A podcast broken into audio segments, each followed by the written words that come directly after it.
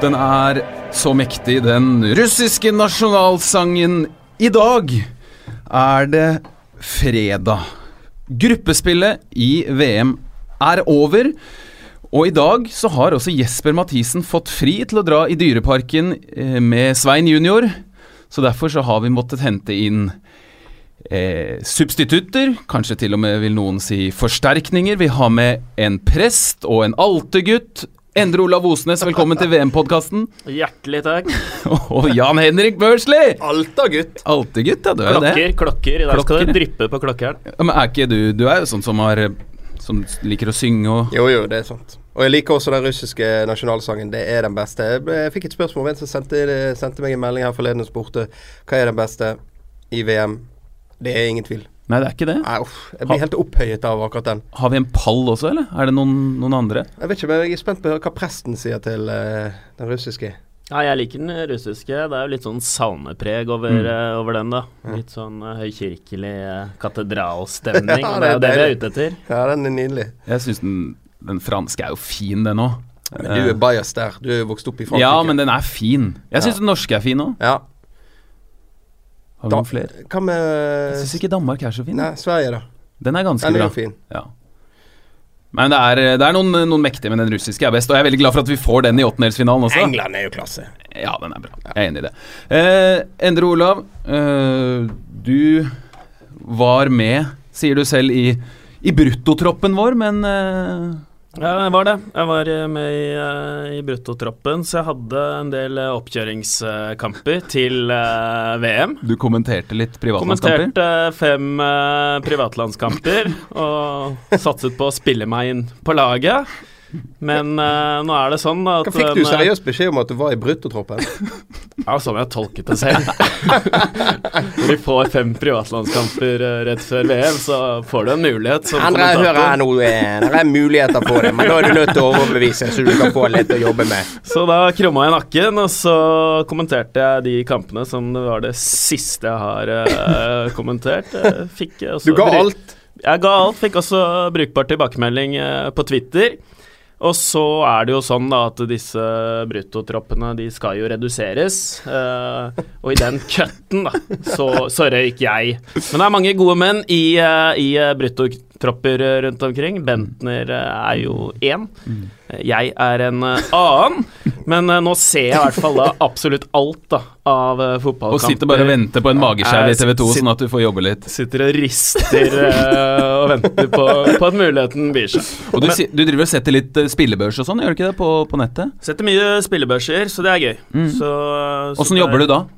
Da sitter jeg og øh, følger kampen rett og slett med argusøyne. Jeg skriver opp øh, navnet på alle spillerne på et ark foran meg, og så er det plusser og minuser og nøkkelsituasjoner. Det er jo, det er en vanskelig bransje, faktisk. Det er jo veldig sånn subjektiv øh, greie. Spesielt hvis man skal sette på 22 spillere, så er det jo vanskelig. Men det er veldig gøy. Du ser fotball på en litt annen måte enn hvis du bare setter deg ned med popkorn og, og cola. Tre fjerdedeler av eh, VM-kampen er faktisk unnagjort. Eh, Vi tar et skikkelig magedrag, en hviledag faktisk, før alvoret starter i, i sluttspillet. Noen små uh, fakta om, om VM hittil tåler vi. Det er et klønete VM. Åtte selvmål er all time high. Soleklart all time high, og enda så er det 15 kamper igjen. Åtte selvmål. Eh, flest vellykka tunneler. Er det noen som klarer å gjette hvem som har slått Det er, det er fire spillere som har slått to vellykka tunneler. Den ene er ganske åpenbar. Det må jo være Messi. Nei. Ikke? Han er ikke sånn tunnelmann, egentlig. Tom Rajic, eller? Nei. På Australia. Han er fantastisk dribler for øvrig. Han er sinnssykt god til å drible, og det er synd vi ikke får se mer av han. En som vanligvis er eh, veldig glad i tunnel. Det er to egentlig som jeg ser på som elsker å slå tunneler. Suárez, Dele Alli, ingen av dem er der. Neymar er en. Ja. Jerdan Shakiri, som egentlig uttales Shachiri, men vi sier Shakiri. For det, Han er blitt Shakiri. Vi må bare la det være med det. Av og til så blir det Av og til så blir det så rett at det blir feil. og så er det en Vi Jeg må ta de to siste. En sveitser som heter Zuber, han som skåra mot Brasil. Han har også to tunneler. Ja Sung Lee på Sør-Korea har også slått to vellykka tunneler. Du er glad i en eh, tunnel, Leo, det vet jeg. Jeg er veldig glad i en uh, tunnel, men uh, enten så må man være veldig god for å slå en tunnel, eller så går det faktisk an å være en ganske dårlig fotballspiller og også være god til å slå tunneler. Derfor har jeg etter hvert begynt å sette mye mer pris på spillere som kan gå rundt spillere, i stedet for å gå gjennom dem. For det er nesten litt juks å slå tunnel. Med mindre man er veldig veldig kalkulert og veldig veldig god på det. Det, no, kanskje det jeg skryter mest av i min fotballkarriere, er at jeg har slått tunnel på Roberto Carlos. Har du det? Spilte mot uh, Anji Makhatskala i en treningskamp i Tyrkia. Men den traff ikke på andre sida, så den ble ikke notert som vellykka. du har spilt mot Roberto Carlos. Ja, Det er oppsiktsvekkende. det er oppsiktsvekkende. Spilt mot, og så har jeg spilt mot Hvilken tilstand var han i da? Jeg så han i en sånn oppvisningsturnering i fjor. ferdig, var- Ja. Helt ferdig. ja, for da var han helt ferdig. Ja, ja. Helt ferdig. Han drev og skøyt fra 40 meter og bare smilte. Han var, han var helt ferdig, bare heva lønnen. Men uh, den, den siste lille faktaen vi kan ta med, det er at uh, det, en, det eneste VM hvor England har spilt flere kamper enn Tyskland, det er dette. 2018 er det eneste VM hvor England har spilt Tyskland eller spiller har flere kamper enn Tyskland. Tyskland har aldri blitt dårligere nummer to i et gruppespill. Og som regel har de vært nummer én. Alltid gått videre.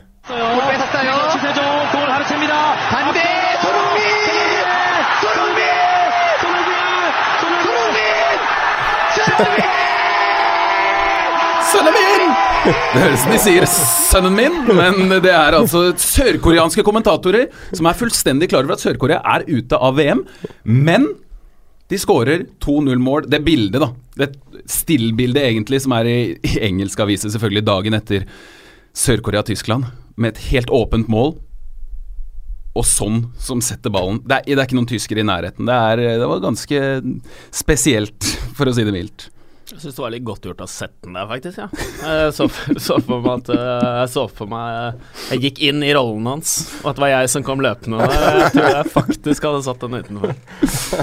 Vi, vi har delt ut eh, Vi fortsetter med det. Litt kjapt skal vi gjøre det i dag. Vi, vi deler ut uh, stjerner til de beste spillerne i hver runde. I runde tre skal vi også gi én, to og tre stjerner til de spillerne vi som er her nå, har syntes har vært, vært best i den tredje og siste gruppespillsrunden. Kan ikke du starte, Jan Henrik, med en favoritt? Uh, jeg starter enkelt. Messi. Messi sin, Ikke hele kampen uh, mot Nigeria, men han åpnet bra. Det var en helt annen energi han. Skåringen er selvfølgelig noe av det råeste. Og så så du at uh, på, på slutten der, hvor de skulle holde på ledelsen, at, at han virkelig ofret det han hadde for det. Han så ut som han var godt sliten etterpå, og du så gleden. Og du så peptalken han hadde i forbindelse med kampen til spillerne samlet gjengen sin. Gikk frem som kaptein. Han er ikke bare kaptein, da. Så du da han gikk bort til benken der også og ga noen beskjeder? Så han Sampaolo var helt sånn apatisk. Hva, hva, hva, hva skjer nå? Hva skjer nå? Det så faktisk nesten ut som at det var Messi som bestemte, og da kom Aguero innpå rett etterpå. Ja, Messi, Messi Det var deilig å se Messi eh, komme i gang. Har du en eh, spiller fra runde tre, òg? Det er, men det var sånn gå, Nå fikk jeg nesten litt sånn gåsehud her, faktisk. Eh, Bare også når han var eh, borte på benken og fikk beskjed om at det nå, nå er det bare å holde nullen, så er det i boks. Var sånn uh, talsmann om noe. Det er stort. Um, jeg har eh, mange gode kandidater. Det har vært litt hvilerunde for en del mm. profiler. Mange som ikke har spilt, altså. det er jo det. Um, det var en um, fascinerende runde, egentlig, hvor alle utslagslagene, de som var helt ferdige, som møtte lag med press på seg, som måtte levere Ja. Faktisk alle de lagene som var ferdig, de, eh, de leverte. Enten tre eller, eller ett poeng. Uh, og det er jo litt uh, fra en prest, da. Bare la meg ta den prestehatten. Når alt håp er ute, og du må starte litt uh, på null, så kan det også være et befriende punkt da, i livet. Uansett Amen. Uansett, ja. Jeg har syns Tom Rogic, Celtic-spilleren på Australia, er helt sinnssykt god til å drible, og det er sjeldent man ser eh, i dag. Jeg syns uh, Janusai, han er en fet spiller Ja. som fikk litt sånn hevn mot England, hvor han har vært uh, utskjelt. But he didn't get the memo. Nei, det er riktig. Ja. De skulle jo helst Skulle ikke ikke vinne den kampen, der, så bare drar han seg forbi Rose og klinker han rett i krysset. Da, var det, da sto uh, Martinez der med en sånn her eh, håndbevegelse så var Hei! Alle hadde sparka ned og fått gule kort og gjort jobben, men han uh, De valgte å dra bare hadde bare sikret seg på gule kort til at England skulle vinne gruppen og møte Brasil i kvarten. Men er det noen, Han kjørte jo for egne sjanser. Det no, er jo noen andre fortapte som var veldig bra, eller? Eh, det- Jeg ja, har det- én. eh, ja, hvem da? Keeperen til Sør-Korea, Chu Yon-woo. som bare plutselig sto sitt livs kamp mot, mot Tyskland. Ja, det var helt eh, enorm kamp òg. Um, men jeg, jeg bunner, eller munner ut i Coutinho, faktisk. Ok. Uh, for jeg, jeg satte børs på den kampen. Jeg har satt, uh, fulgt han det, tett nå. I eh, alle tre kampene, egentlig. Syns han har vært best i alle tre kampene han har spilt. Ja. Ja, Det som er litt, eh, litt fucked up med den rangeringa vår, stjernetabellen vår, er at eh, det gir kanskje ikke til slutt den, den beste spilleren, men det gir eh, Kongen av stjernetabellen er den som har spilt, spilt flest gode kamper. Jeg syns jo Diego Godin også har vært banens beste i alle kampene. Men- Men, men da, da gir vi Jeg foreslår da gir vi Messi igjen. Og så gir vi Coutinho to. Og så trumfer jeg gjennom han sørkoreanske keeperen. For jeg er helt enig i at jeg syns det er noe med det nå Sør-Korea kunne gå videre. Men det var et syltynt håp. Han gjorde i hvert fall alt han kunne for at det bitte lille håpet skulle leve så lenge som mulig. Chu Yon-woo. Tre stjerner. Og, og hvis da siden Tom eh, Rogic ikke fikk eh, stjerne, så bør i hvert fall folk gå inn og se på den dribleserien. Han, Nå har han fått- Peru. Han gikk av fem stykker. Han har fått tre mentions nå, så det høres ut som Ja. det er verdt å gå inn og Men helt seriøst, skal ikke vi diskutere den rangeringen der? Du bare går inn og sier 1, 2, 3, og så okay, er vi greit, ferdig med det. Men du sa Messi Han var ikke så Ja, greit. Du Ja, kan Messi, på, altså, Messi viste noen ting i den kampen der som var helt rått. Han gikk jo foran. Han var jo eh, Han var hærfører eh, på banen i innledningen av kampen. De viste en helt annen energi. Han gikk foran. Jaget jo defensivt. Når ser du Messi drive og løpe etter eh, defensivt? Pluss at han var kapteinen som organiserte, styrte og skåret det der sinnssyke målet. Jeg må argumentere for at Messi må få For mer enn én. det som skjer da, det er jo at han går opp likt med Ronaldo hvis vi, hvis vi setter ham på tre. For Ronaldo har bare én trestjerners Å fra ja, den så første. du kommer i konflikt, eller dere kommer i Nei, konflikt med dere sjøl? nei, men jeg syns, jeg, syns, jeg syns det er feil at du skal komme inn fra venstre og, og øh, gjøre så store forandringer i vår stjernetabell. Akkurat, ja. Det er din blogg, ikke sant? Det er du som skal styre det her. Alle andre, de kan holde kjeft. Nå var du smart. Vi deler også Det ble tre Nå ble det i hvert fall tre til han sørkoreanske keeperen. det er alltid en sånn ny spiller som kommer inn i en garderobe og tar altfor stor plass. Uh, Jan Men, men, men ja. Jeg er nødt til å stå opp for de tingene jeg tror på. Du kan få dele ut en søppelbøtte. Vi skal dele ut en søppelbøtte hver til hver vår tysker nå. Ja. Søppelbøtta gis til den eh, største skuffelsen i hver runde. Gi meg en tysker, eh, Jan. Müller. Müller. Müller eh, har passert middagshøyden, Mm. og eh, det er jo litt trist å se. Egentlig hatt sånn passe sansen for han opp igjennom. Men eh, Tyskland sliter jo med å skåre mål.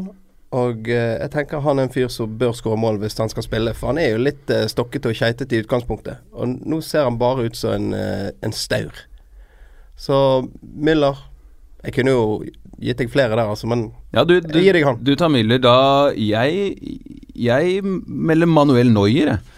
Eh, ikke fordi at han var sånn helt patetisk i den kampen, han er keeper, liksom. Men jeg syns bare det var et eller annet med den situasjonen hvor han går opp på slutten her. For det første, jeg, jeg skjønner ikke hvorfor han skal gå opp, så tror jeg det er han Syle, svære jævelen av en midtstopper, står bak han! Hvorfor det?!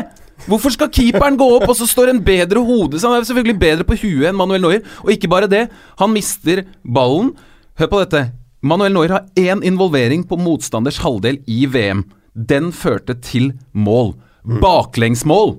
Så uh, da har Müller fått en søppelbøtte. Kan jeg lese Neuer evalueringen min av Neuer eh, etter siste kamp? Ja, få høre. Gir en slepphendt og farlig retur på sånn sitt frispark tidlig i kampen, er offensiv som sviper og avverger farligheter. Det blir imidlertid litt for mye av det gode, da han i jakten på utligning prøver å dra to mann som venstreving. Dette i et forsøk på å dra seg inn i banen og lime ballen i lengste. Spørsmålstegn? ja. Men, men har du en annen, en annen tysker som har skuffa deg? Ja, det er mange å ta av, uh, syns jeg. Um, egentlig Royce har ikke vært så verst, men uh, Han syns jeg er litt synd på Royce, altså. Det blir for tynt. Øsil uh, syns jeg faktisk eh, var en av de minst eh, svake, faktisk, i den uh, siste kampen. Jeg, jeg syns det. Han flikker, og han er en del av men det Men hvor er de som skulle, men hvor er de som skulle løfte det der tyske laget? Regjerende mester. Hvor er kon- kontinuitetsbærerne i laget som skal liksom der, eh, sørge for at de holder nivået? Og hvor er Leroy, eller hvor var Leroy Sané? Ikke minst. For en tabbe. Det var det første jeg tenkte når jeg så de der VM-troppene. Leroy Sané, som har vært så enormt god i Premier League denne sesongen. Som har noe som eh, veldig få andre har. Superatlet. Akkurat det Tyskland hadde trengt i en del, av de kampene hvor de møter lag, eh, og, og noen må utfordre og gå forbi noen og klare å slå en eh, god pasning inn foran mål. God pasningsfot, god innleggsfot, målfarlig, kan eh, assistere. Enormt god én mot én, kan utfordre på innsiden, kan utfordre på utsiden. Hvor var Leroy Sané? Veldig selvsikker også, og helt sikkert uh, mye selvtillit. Jeg tror at, eh, at det, det, hadde noe med saken å gjøre. Da, at, det, at det var noe av grunnen til at han faktisk ikke kom med, at han er den typen han er. Og da havner jo Løv i uh, veldig trøbbel hvis han ikke klarer å håndtere på en måte denne generasjonens stjerner. Da, for man har jo lagt merke til hvordan Leroy Sané er utenfor banen litt sånn kjekkas, da, og, og brander seg selv mye. og Sånn som, sånn som fotballspillere i dag gjør, og fair nok, det er det, er det som er det er, det er, sånn det har blitt, og skulle da eh, Didier Deschamps bare eh, sagt eh, takk og hei til Paul Pogba, skulle de ha driti i Zlatan eh, tidligere osv. osv. Man har jo mange sånne som, og det blir bare flere og flere av dem. Grismann samme. Eh, man må jo ta det med for det, pga. at de er gode i fotball. Det er den nye skolen, det. Så der må man bare tilpasse seg. Um, ja, men det sier jo litt om det tyske laget at uh, Tony Kroos er den som har sett mest målfarlig ut, mm. syns jeg. Mm. For øvrig, det der øyeblikket mot uh, Sverige, det var jo fantastisk. Det frisparket. Ja, det var altså, men, Siste spark på ballen, bare klinker han borti der. Men tenk på den siste uka til svenskene. Altså, Vi kan godt dra det enda litt lenger tilbake også. Mexico slår Tyskland. Jeg har en svensk kompis mm. som etter den kampen sendte meg en melding og sa det er over. Vi er ute. Vi er ute av VM fordi Mexico slo Tyskland. Mexico ser så bra ut, og ja, ja. Tyskland kommer til å slå oss, så den er grei. Ja. Og så, de så, vinner de. Grankvist skårer på straffe. De vinner. De halter seg til 1-0 mot, uh, mot Sør-Korea. Så leder de mot Tyskland. Mm. Så blir det 1-1, og så får de det greiene på slutten her. Taper 2-1. Og så den, den siste matchen hvor de hvor de vinner 3-0 mot Mexico. Mm. Det, det, har vært en sånn berg-og-dal-bane som Et godt bilde på altså det, den gruppen der Sverige godt bilde på mesterskapet. Jeg syns det har vært så utrolig kult med dette VM. At det har vært uforutsigbart. At uh, de aller beste ikke har levert sitt aller beste, og at en del av outsiderne og underdogene har gjort mer enn man kunne forvente. Og da er det plutselig blitt jevnt. Veldig jevnt. Til og med inn i den der tredje siste gruppespillsrunden. Uh, hvor eh, lag som er ute av mesterskapet og kun har æren å spille for, bare gjør det og går ut der og, og lager stress for, for, de som skal videre. da.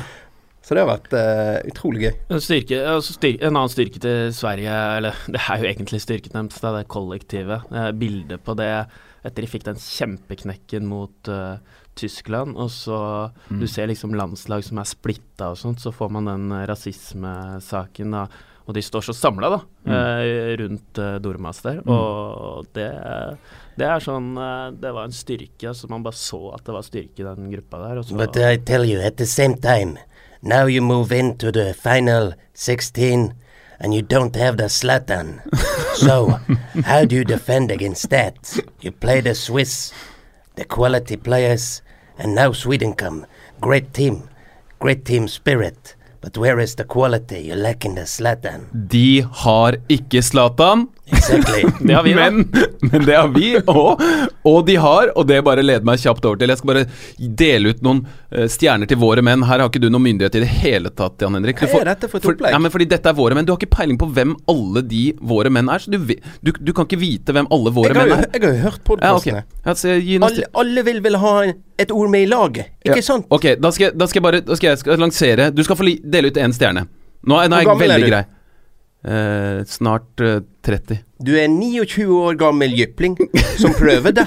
Og det får du lov til, men Hvis du strekker ut hånda, så, så er jeg med. Ok, hør da. Nei, men Greit, du kan ja. kjøre det. Nei, nei, nei, nei, ja, okay. nei jeg, har, jeg, har, kjørt alle okay, podkastene. Grankvist 3, da. Grankvist 3 stjerner. Greit. Uh, um, Karesma på grunn av vi, vi, vi, vi, tok han som vår mann av det utsidegreiene. På, på, våre, våre menn sine stjerner. Vi deler ut en stjernetabell okay, der òg. Så Grankvist, Grankvist er det er bankers. Han må få tre stjerner nå. Så bra han har vært, og de to straffene han har satt. Uh, han, han, ser jo ut som Han er jo en av de som ser ut som du har bare tatt en supporter. Fått en sånn supporteren har fått en dag nede med gutta. Men her Han ser han ser jo virkelig Han ser ut som en heltefigur fra Game of Thrones. Ja, litt grann. Bare går i krigen, og du har lyst til å gå der med. Og så ser han unnskyld, litt åndssvak ut også. Når han med noe med faktene og litt sånn der Han er- ekstremt uh, offensiv, og jeg vet ikke om jeg burde, burde si det her. Men, uh, men uh, jeg har jo faktisk bivånet han litt fra en sånn sideposisjon på kasino i Marbella, og da var han også ekstremt offensiv rundt blackjack-bordet. Så det er ikke overraskende at han det er en mann som ikke ser seg tilbake. Tre, tre stjerner! Nei, han er jo helt Men han er jo den nye Han er jo veldig sånn symbolet på det nye Sverige. da Det er kapteinen, det er han som går fra, tar straffer, det er han som prater etterpå. Det er, han er det stikk motsatte av Zlatan, tror jeg vi kan si. Han er en veldig sånn like antihelt. very bad man. Han har en eh, høygravid kone og er hjemme nå, som, eh, som egentlig har termin nå, eh, faktisk, rundt åttendelsfinalekampen. Du har klart å rake til deg av detaljer. Ja, ja. Følger med, da. Og hun sier at uh, kan ikke be henne om å komme hjem Nei. nå. Eh, det er ting som er eh, viktigere akkurat Så nå. og det er VM, faktisk. Men så kult for. Sverige, da, vi som sitter på kontraskjæret der oppe og, og ser når det bare renner inn 10 000 mennesker der, og når Sverige har spilt kamper Hvor enormt trøkk det er. Det er så mange svensker i landet vårt, og eh, de storkoser seg. Og jeg koser meg med de. Men det var nesten litt Og bare en kjapp uh, greie. Joshua King sa jo det. Han var oppe og så den uh, Sverige-kampen. Det var vel faktisk mot Tyskland, da. Men han sa jeg har aldri hatt så lyst på å ta Norge til et VM som da jeg så det der. Da jeg så ned på de svenskene der, hvor mye de Ja. hvor, hvor liv og levende var. Så kanskje det var veldig bra at vi fikk han til kontraskjæret, så han faktisk så at å ja. Sånn kan det bli, ja.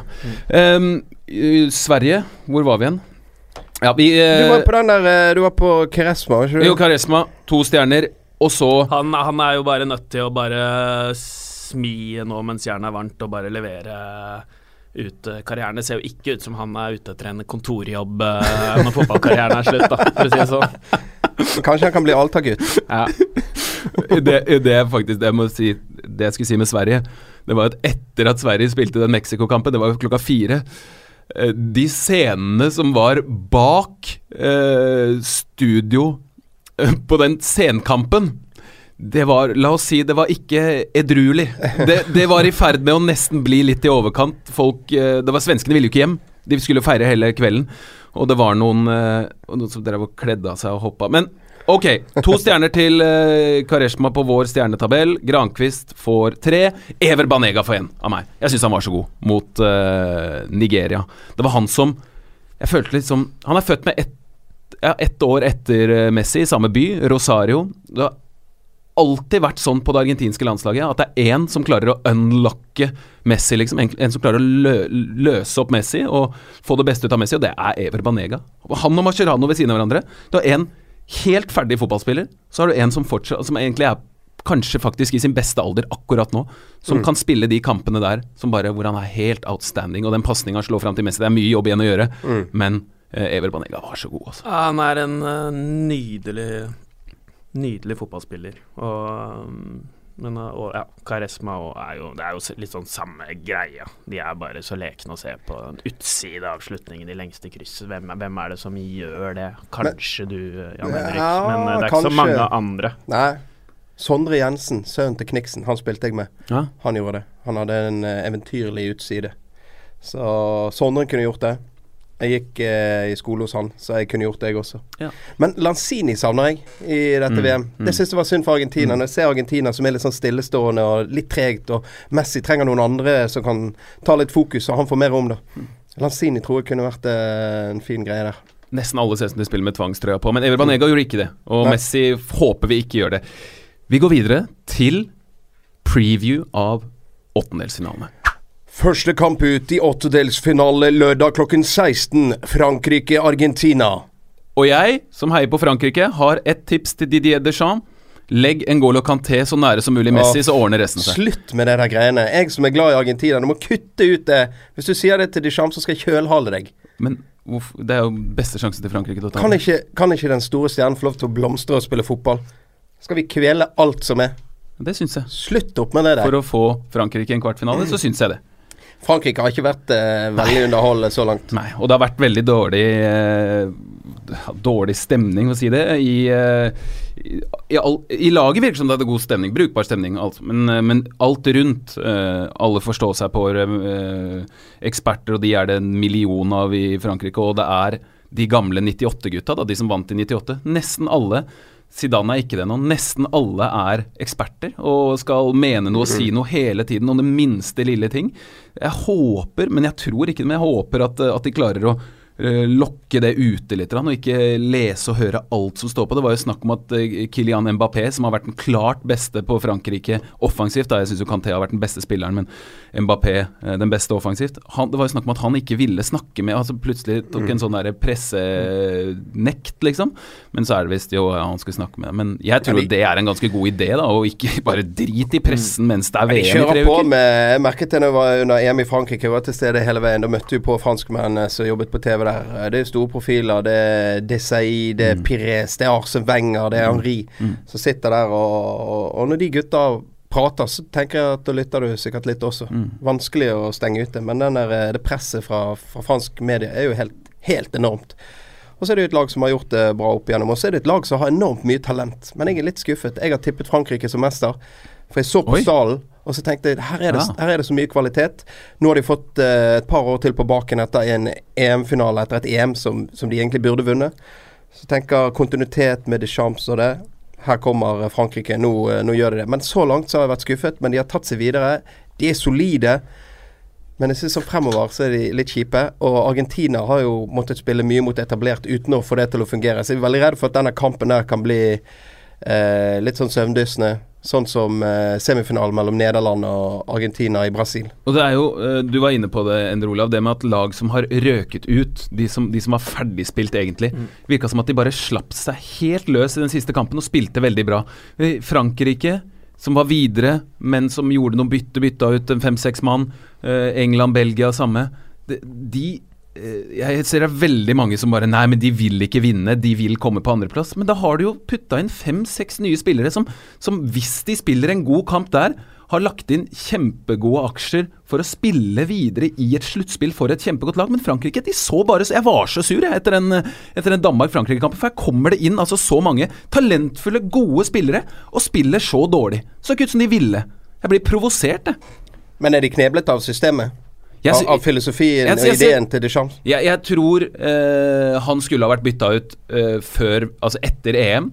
Og det er ikke nødvendigvis for at han er en tullebukk eller han ikke har peiling på fotball, men jeg syns at han, hans aura den finnes nesten ikke lenger. Det er Han er eh, Virker det som ikke typen jeg tror sånne ting har noe å si. da Ikke typen til å løfte et lag når det virkelig gjelder. Sånn som eh, Klopp er jo veldig det, da. Hvis du skal ta en sammenligning. det. Det Men han var jo en hærfører som spiller. Han var jo en leder. Han var jo en som Men gikk foran som eksempel på banen og var bare knallhard og løftet og, og gjorde tingene for, for Feinschmecker-kompisene sine på Frankrike. Absolutt, men etter en stund så tror jeg det der blir litt borte. Og nå har altså disse spillerne blir leda i klubblag av enda større personligheter. Da. Så kommer de på landslaget, og så er Deschamps der, som er en, en uh, litt grå, kjedelig fyr som eh, veldig sjelden tar store sjanser. Og når han først gjør det, og det ikke sitter, sånn som i den første kampen, da satt han ut på ungdomsrekka. Det satt ikke. Og så tilbake. Da har ja, Matuidi må inn, Giroud må inn, og så plutselig så ser det bare så utrolig kjedelig ut igjen. Og jeg tror at det gjør noe med hele, hele laget. Eh, Argentina, Frankrike, hvem tror du vinner, Jo? Jeg vil jo si at Frankrike er, eh, er de store, store favorittene uansett. Men ehm, det er jo noe sånn Nå har Argentina på en måte fått et nytt liv, da. De var jo egentlig ferdig. Mm. Og så har de fått en eh, ny mulighet, og det er jo noe forløsende ved hele det der eh, avansementet de hadde. Så det er egentlig to av de favorittene jeg hadde før mesterskapet, som eh, møtes her. Og det blir en helt vanvittig fotballkamp. da. Laget jeg håper på mot laget jeg tror på. Så Men, men du glemmer jo én ting. Eller dere glemmer jo én ting. En vesentlig ting som er viktig for den kampen. Nå kommer det. Diego Maradona har meldt seg klar. I dag er informasjonen kommet. Great Diego, news. ja, ja, ja. Han stiller, la det ikke være noen tvil. Og eh, han har fått sovet ut eh, hvitvinsrusen. Han tømte all hvitvin, det er det han har sagt. Han er veldig glad i rødvin. Nå drakk han opp det som var av hvitvin, men han er kampklart. Og han kommer til å stille der, og det kommer til å vippe det i Argentinas favør. Det er så stort å, å, å følge. Nå- Du som prest når Gud sitter på tribunen. Du skjønner jo det. Ja, det er eh, ekstremt eh, sterke bilder, og, og jeg syns jo den situasjonen blir litt sånn eh, svartmalt, da. Det var ikke så skandalescene. Altså. Han, han koser seg med Hallo. Han koser seg med hvitvin. Det er det han sier selv. Det er det, Det er det han sier selv. Har du, sett, har du sett de bildene?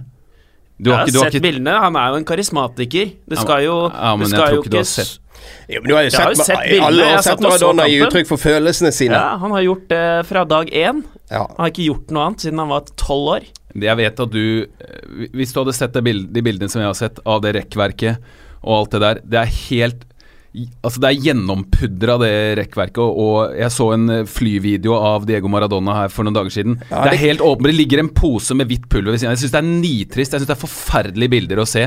Uh, forfallet. Jeg sa en Ja, kompis for du, du er helt klink på at eh, det er kokain og ferdig arbeid? det, det, Den posen kan jo være manipulert inn. nei, det, Alle vil jo alltid ta Diego. Ja, jeg- Noen jeg- må jo forsvare han. Jeg tenkte også det kan ikke være det det er. Men så søkte jeg på Scanpix. Vi har inn- innlogging på Scanpix, så så jeg de bildene der.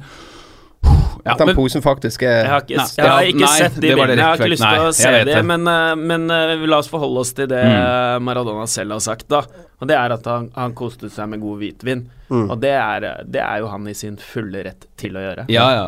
ja Og når det, han fikk hvitvin, han egentlig ikke Han foretrekker rødvin, så kan det hende at det ble litt mye for han. Han sa det, vi drakk opp all hvitvin. Og da eh, hadde jo hvem som helst stått og sjanglet litt ved gjerdet. men en ting som jeg kunne ta med deg, eh, Endre Olav. Messi sier jo etter denne kampen at, eh, at det var Guds vilje at de skulle gå videre. Hvordan Altså sånn Jeg som ikke er religiøs, jeg tenker Var det ikke Guds vilje at eh, Nigeria skulle gå videre, eller hvordan fungerer det der? Dette her er jo en uh, lang teologisk uh, debatt. Det har vært skrevet doktoravhandlinger Nå har du muligheten! Det har vært skrevet doktoravhandlinger om, men eh, Nei, jeg tror ikke det er sånn at sola skinner på noen, og så regner det på andre at eh, det er Guds vilje, og jeg tror det er eh, Men eh, jeg tror at han tolker alle gode ting, da. Mm. Det er jo alle gode ting i livet. Altså kjærlighet, lykke, når vi kjenner på det virkelig, virkelig gode da, i vår eksistens eh, som, som mennesker, at det kommer fra kilden, og, og det er Gud. Eh, men at det, er Guds eh, vilje, det er vel eh, kanskje å dra det litt langt, da. Men, Jeg ville i hvert fall ikke sagt det. men eh, hva tanker gjør du deg om, om Gud og fotball? Tror du han elsker fotball? Ja, det er det er du ikke tvil om. Ja, der er vi enige. Ja. Elsker han VAR? Nei, det er en kunstig menneskeskapt uh, greie som uh, ødelegger uh, narrativet. Og du, du er antivarer. Nå skulle vi hatt veldig Jesper her, da hadde det begynt å koke. Jeg er veldig antivarer. Det er blitt en sånn trend. Uh, Veldig skal- antivarer. Nå er Ja, men det katten blitt borte, så sånn danser musene på bordet. Det har blitt en sånn trend at uh, man skal digge VAR. Nå ble heldigvis uh, Brede en veldig god talsmann, eh, Ja, han skrev en blogg på tv2.no. så det er, det er jeg veldig glad for. Men Men bare hva er det i den bloggen som du syns det som, som, som får deg For veldig mange er jo på, som du sier, at VAR er bra og, tilfører noe bra. Nei, det er øye, øyeblikkets eh, magi, da. At det, det bryter opp uh, Det bryter opp her og nå. Altså, det ligger i ordet selv. Var. Vi må ha mer er, da. Vi må leve i situasjonen. Sånn som mot Sverige, da. Eh, så skulle Sverige kanskje hatt en straffe. Sør-Korea kontrer. Jeg lever i kampen. Det er, eh, vanvittig spennende. Nei! Når eh, Sør-Korea er på vei gjennom på motsatt side, da skal vi inn på VAR. Og så får Sverige straffe, da. Men det er jo spennende spennende det òg, når du skal inn og, og vare litt. For det har jo vist seg at uh, dommerne har vært borte, sjekket eh, omgjort eller Men ikke du, omgjort. du, kan ikke, du kan ikke feire skåringer uten å hele tiden ha i bakhodet Kan VAR eh, eh, kansellere, annullere den uh, skåringen her? Du ser spillere som rekker å, å, å være nede og takke Herren, da. Takke Gud Iran. Iran mot Ja. uh. Spania. For så at det VAR skal gripe inn, da. eh, og Så VAR det djevel i din fotballverden? Nei, nei, nå må vi ikke Nå må jeg vi, Absolutt ikke. Men uh, Var litt uh, ryddig her òg. Men eh, det er noe med det derre ja, alt skal, alt skal være så perfekt, da. Eh, alt skal være så bra, da. Så det er egentlig en sånn samfunnsdebatt for meg, kanskje enda mer. At eh, i 2018, uh, den derre fasaden, alt skal liksom se best Alt mulig ut, være mest bra. Ja. Alt skal eh, være så perfekt. perfekt. Ja. Jeg skal Må det- må gå ut der på banen. Kan ikke slippe meg helt løs. Være fri. Elske fotball. Var. Kødda det til. Hele dritten. Jeg orker ikke mer. Men ok, ok, ok. Det, du øh, Du syns jo da at det er bedre med litt galskap, da. Med Maradona på tribunen, noen dommerfeil og den slags. Jeg, jeg har jo alltid ment at ingen dommere er gode nok, da. Ja, til og med med er helt Det, nådeløs. det er et annet uh, er argument uh, mot VAR. Hva skjer med dommerrekrutteringen nå? For det her er jo tidenes umyndiggjøring av dommere. Mm. Du så det en av, de, en av de beste Nå kommer jeg ikke i farta på hva han heter, men han som fløs, først blåser straffe til Senegal, Ja. og så går han tilbake og så bare Søren, det der var feil, altså. Men var ikke det et fint øyeblikk når han kom ut og sier eh, Sorry, jeg tok feil, det var ikke straffe, vi dropper ball istedenfor. For Jeg, det, det jeg syns jo. Tom, som TV-seer at det er veldig ålreit. At han får muligheten til å se det på nytt, når alle vi får muligheten til å se det.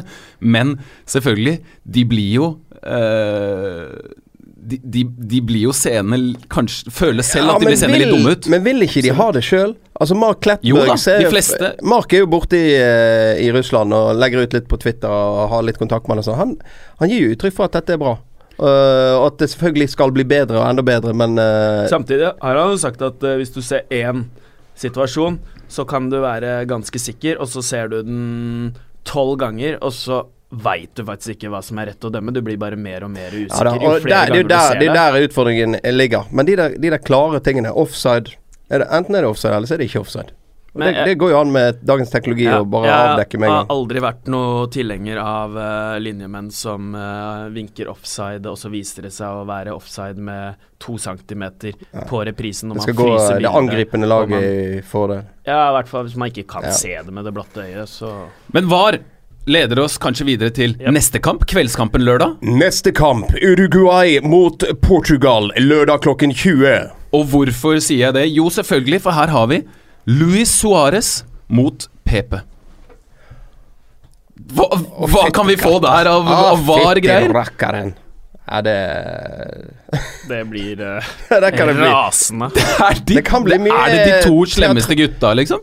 Ja, det kan bli mye teater òg.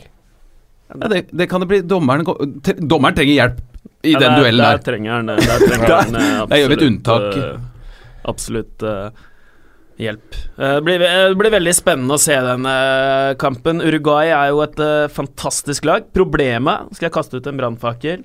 Uh, problemet til Uruguay, det er at de har to lag. Det ene laget det er uh, Suárez og Cavani, og det andre laget er resten. Det, Godin og gutta. Ja, de ni andre. Forsvaret. Ja. Og de, de ligger med Det er spennende å se, så jeg anbefaler alle å, å se litt etter. For de ligger, med sånn, de ligger som to forskjellige enheter. Da. Det er altfor stor avstand mellom Kavani Cavani og Suárez eh, sitt ledd, og altfor stor ja, til de andre, da. Uh, og så slipper jo selvfølgelig Suárez og Cavani unna, for de er jo ikke slappe. Uh, de, de jobber jo knallhardt, uh, og de produserer jo mål. Men det er de to da som gjør det sammen. Det virker ikke som om de gjør det sammen med resten av laget. Man kan jo si det samme om Portugal til en viss grad, bare at der er det ti pluss én. Cristiano Ronaldo. Mm, Han, ja, den, ja, ja. den første kampen mot. Første kampen mot Spania, noe av det rareste jeg har sett. Han spiller altså en helt utrolig bra kamp. Alt han gjør, så å si, er perfekt. Men han, også ti ganger i kampen, da, så bare slår han ut med armene, og så bare tusler han liksom litt rundt, og så, så har han eh, gategutta sine, som gjør alt for han. Så gir de ballen til han, og så fikser han. Det er liksom Det er utrolig gøy å se at det er to lag i ett. Du har superstjernen og kollektivet i eh, en og samme smørje. Men hvis spillerne rundt aksepterer det og synes det er greit Og dette, Vi hadde jo Bendik Hareide med oss i, uh, i studio på Kontraskjæret. Han snakket jo litt om, om uh, den prosessen som har vært rundt Christian Eriksen i Danmark, og hvordan Åge Hareide uh, har gått inn og sagt hvordan får vi det beste ut av Christian Eriksen. Og da har han samlet de nest beste spillerne i en gruppe rundt, som har bare stilt seg bak det, og som har jobbet for det. Så er det blitt et sånn kollektiv som løfter frem eneren i gruppen for å få det til å fungere. For du må ha det beste ut av stjernespilleren din. Sånn var det når jeg så mitt første VM i 1986 også. Den gangen jeg eh, forelsket meg i fotball for resten av livet. Når jeg så Diego Maradona. Når, når Argentina skulle forsvare seg, så bare stoppet han. Da bare gikk han rundt. Han gjorde absolutt ingenting. Men eh, når de skulle gå i angrep, gjenvant ballen, så var det om å gjøre å bare finne Maradona. Så skulle han eh, hente frem eh, tryllestaven sin og bare og skape magi, da. Og det, og det skjedde.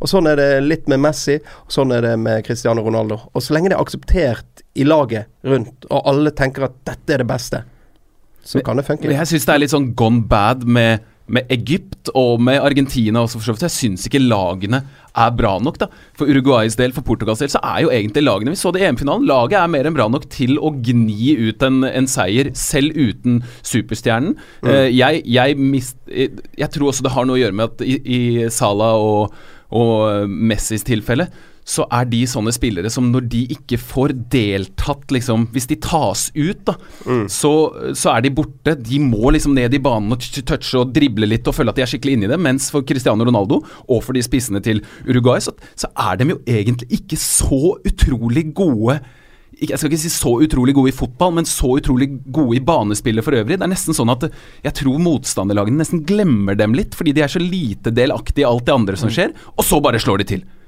Og jeg, jeg, man ser jo for seg, i hvert fall gjør jeg det, jeg vet ikke med dere, men en 1-0-kamp her, hvor Suárez eller Cavani og Cristiano Ronaldo bare finner på et eller annet, og så er det å forsvare seg. Uruguay har ennå ikke sluppet inn mål. De, er, de er gode bakover der, altså. Og gode på Men- dødball. Men Portugal også er, er jo, selv om de slapp inn de der tre mot uh, Det vi så av Portugal i EM, i hvert fall, var jo veldig solid defensivt. Ja, er det, det Dere har jo, eller ja, noen har i hvert fall nevnt at det er det beste stoppeparet Uruguay har det beste stoppeparet i VM. Eh, er det sånn at de har det beste spissparet òg? Jeg tror Altså Det som er greia, at han uh, Jimenez, uh, Atletico Madrid-stopperen som, som spiller sammen med Diego Godin, han ble jo skada, så han spilte ikke den siste kampen. Mm. Og det er visst fare er for at han er ute, altså. Uh, han sliter. Så spisspar, det kan jeg være enig i, men akkurat nå kommer uh, Coates inn der, Martin Cáceres Det er ikke det samme, altså. Jeg elsker Cáceres. For shortsen, er det ikke det? Ja, det er så mye. Jeg elsker det. Helt vilt. Men jeg vet jo at du elsker en lang shorts. Nå skulle lytterne hatt muligheten til å se Endre, for der bare lyste det i blikket hans. uh, vi, vi lar det bli siste ordet om uh, Uruguay-Portugal. Neste kamp. Søndag klokken 16, Spania-Russland. Og her må Russland bruke kreftene sine. Her blir det løping. Skal vi si det sånn? Ja, men det er de gode til. De løper mest. Og de løper så mye at vi blir eh, mistenksomme. Mm. Men eh, det hjalp jo ikke i det hele tatt mot Uruguay. Der ble de eh, nesten ydmyket. Men det er litt en annen type kamp. Uruguay er jo ikke sånn som eh, Som slår så mange pasninger, og som eh, Ja, Spania er jo det laget som, er, som dominerer sine kamper mest og oftest. Og eh, jeg har jo blitt litt Grunnen til at jeg har blitt skeptisk til Spania, er jo at de at de rett og slett har for mye ball og er litt for nonsjalante med den. Omstendelige.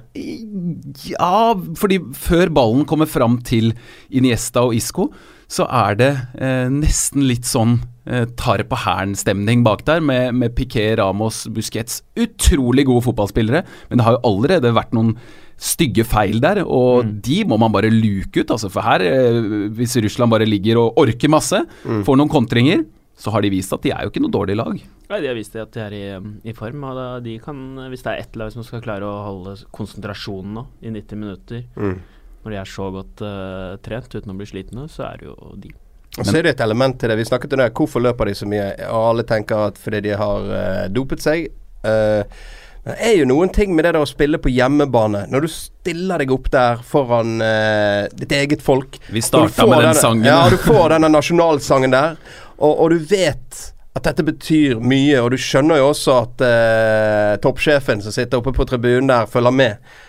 Da løper du vel det remmer og tøy kan holde, da. Helt til krampen tar deg. Og da blir det fort 120 km, da. Det er klart, eh, de orker jo med, det gir jo mye energi, og jeg syns det har gitt mesterskapet veldig mye at Russland i stedet for Jeg tenkte på det i går da, da England spilte og man så engelskmenn på tribunen som var så happy, så tenkte jeg på Søren, det har jo ikke vært noe sånn, i hvert fall har ikke jeg hørt noe om noe, noe tull og tøys, da. Og jeg tror at det har mye å gjøre med at det blir enda mer forsterka at Russland har gjort det så bra. Ja, da gjør vi dette til noe positivt for fotballen. Nå tapte de mot uh, Uruguay, riktignok, men før det åtte mål, full fest. Og tilbakemeldingene fra de som har vært i Russland, av våre folk, og uh, enten de har jobbet med sport eller nyheter der borte, er jo at det er, det er god stemning, og uh, man ser ikke noe som, uh, som får folk til å reagere. Verdensmesterskapet fungerer bra. De tre da, som spiller eh, De tre offensive midtbanespilleren til Spania, må bare nevne dem en gang til, for jeg syns det det er så mye kvalitet. Jeg har ikke sett eh, tre så gode offensive spillere på banen samtidig for noe lag noensinne, tror jeg. Da har David Silva, Andres Iniesta og sist, men ikke minst Isco. Det er eh, Det er, det er den beste trioen vel eh, på midtbanen. Man snakker om at Kroatia har så bra midtbane. Jeg er helt enig i det. Veldig, veldig bra. Men det der, det Det er, er, noe helt, eget. eh, det er en helt eh, vill, vill trio, men de har slitt. De har slitt, de har ikke overbevist en eneste gang i det Nei, mesterskapet det. her. Og, og jeg som bruttotropp-fyr så, så det jo litt før VM var. Generalprøven mot Tunisia. Det var jo ikke bra, det heller. Da spilte de for øvrig i eh, For nå skal de jo spille i Moskva, men da spilte de jo i, på Krasjnodar sin eh, stadion. Det er jo vanvittig arena her. her. Og sånn siden jeg var i bruttotroppen, da, nå skal dere høre om sånn bruttotropp-stadion her. Krasjnodar sin, som ble vraket.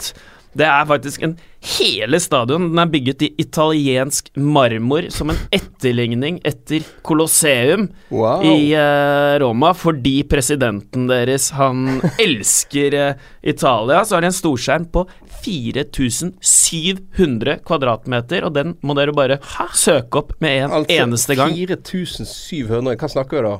Det er stort. Søk det opp. Søk det opp uh, på nettet. Og så har presidenten en trapp fra losjen sin og rett ned i garderoben. Så har han bygd en hinsides stor eh, park rundt eh, stadion, som også er oppkalt etter seg. Og akademiet, som ligger side om side ved stadion, har eh, 26 baner med alt av teknologi du kan finne, og 300 av eh, de største talentene bor i egne leiligheter. Inne på banen, der Spania også bor Men de har i ikke VM. Dette er ikke en VM-stadion. Og dette er en Hvorfor en bruttotropp. Bruttotropp-arena. Så det er mye kvalitet i bruttotroppen også. Det er vel eh, det ene poenget. Ja, Og det andre er at det er fine arenaer her. Men hvorfor er den ikke en VM-arena? Hvor mange var det plass Nei, til, sa du? det vet jeg ikke om vi skal gå inn på. Har du Eh, kapasitet? Kapasitet eh, er jeg litt eh, usikker på, men eh, når Krasjnodar spilte Champions League-kamp Går du inn på det nå? Nei, for junior, junior lag, Ja. Det her er jo pre uh, Dette her er jo Dette her er jo uh, bakgrunnsinfo. Uh, ja, men du sa du, ville ikke, du sa du ville ikke gå inn på det. er Det fordi at det ligger en eller annen historie som er touchy der. Ja, vi, lar den, eh, vi, vi må la den eh, ligge. Oh, ja. Mystikk, dette holder vi. Ja. Ja, da går det Eh, sikkert men- an å google det, da, for nå blir jo sikkert folk relativt nysgjerrig. Men i hvert fall i, i den eh, junior eh, Champions League-kampen så var det 33 000 tilskuere som så Krasjnodar mot Real Madrid, og den tidligere rekorden for junior var 17 000. Uansett, det her ble en veldig sånn avsporing. Takker Hvem- Stefan Strandberg for, eh, for eh, gode kilder her, Og igjen som spiller der til til våre vanlig. lyttere, det lyset som kom rundt Endre Ola når han pratet nå. Altså, noen ganger så ser jeg at du blir skikkelig glad, Ja, og, og da, da, da viser du det veldig godt. Og det ble du nå. kanskje podkast er feil format for meg. Ja, det tror jeg. Du må, du, er du i bruttotroppen til studio, eller? Hvis det skulle liksom bli mannefall der? Ja, da tror jeg det skal gå et masse, massevelt. Eh, Hvem vinner, Jan Henrik? Russland-Spania. Spania. Er du enig i det, Endre Olav? Eller vil du kaste ut en brannfakkel til? nei, nå har det vært nok brannfakler. Eh, Spania vinner. Neste kamp, Jan Henrik. Neste kamp søndag klokken 20. Kroatia mot Danmark. Og der har vi vel fått inn et lite intervju med Åge Hareide. Det stemmer. Det er klart at eh, vi kommer til å, å prøve å eh, må ligge kompakt om. Kroatia. De har en eh, fantastisk midtbane der i eh, Luka Modric, da, men eh, vi har Christian Eriksen. Og, og eh, så har vi ikke Bentner, da, men eh, Jon Dahl Thomassen sitter på benken med meg, og han er med, og han kan komme inn og gjøre den dritten der. altså. Skal han Moské komme inn, eller? Han skal moské komme inn. Altså Enten så er du, så er du for, for Danmark, eller så, så er du med kroatene. Så enkelt er det. Spiller, spiller Sisto fra start, eller? Jeg vil ikke røpe noe for mye nå. Vi kommer til å legge ut i en, eh, en 5-4-3-2-1-formasjon, da. Så skårer vi flere mål enn Kroatia, så har vi en fair sjanse til å vinne kampen. Ja, det er en fair sjanse. Eh, eh, jeg la ut en poll jeg, i går på, på Twitter, um, hvor jeg skrev uh, fire navn.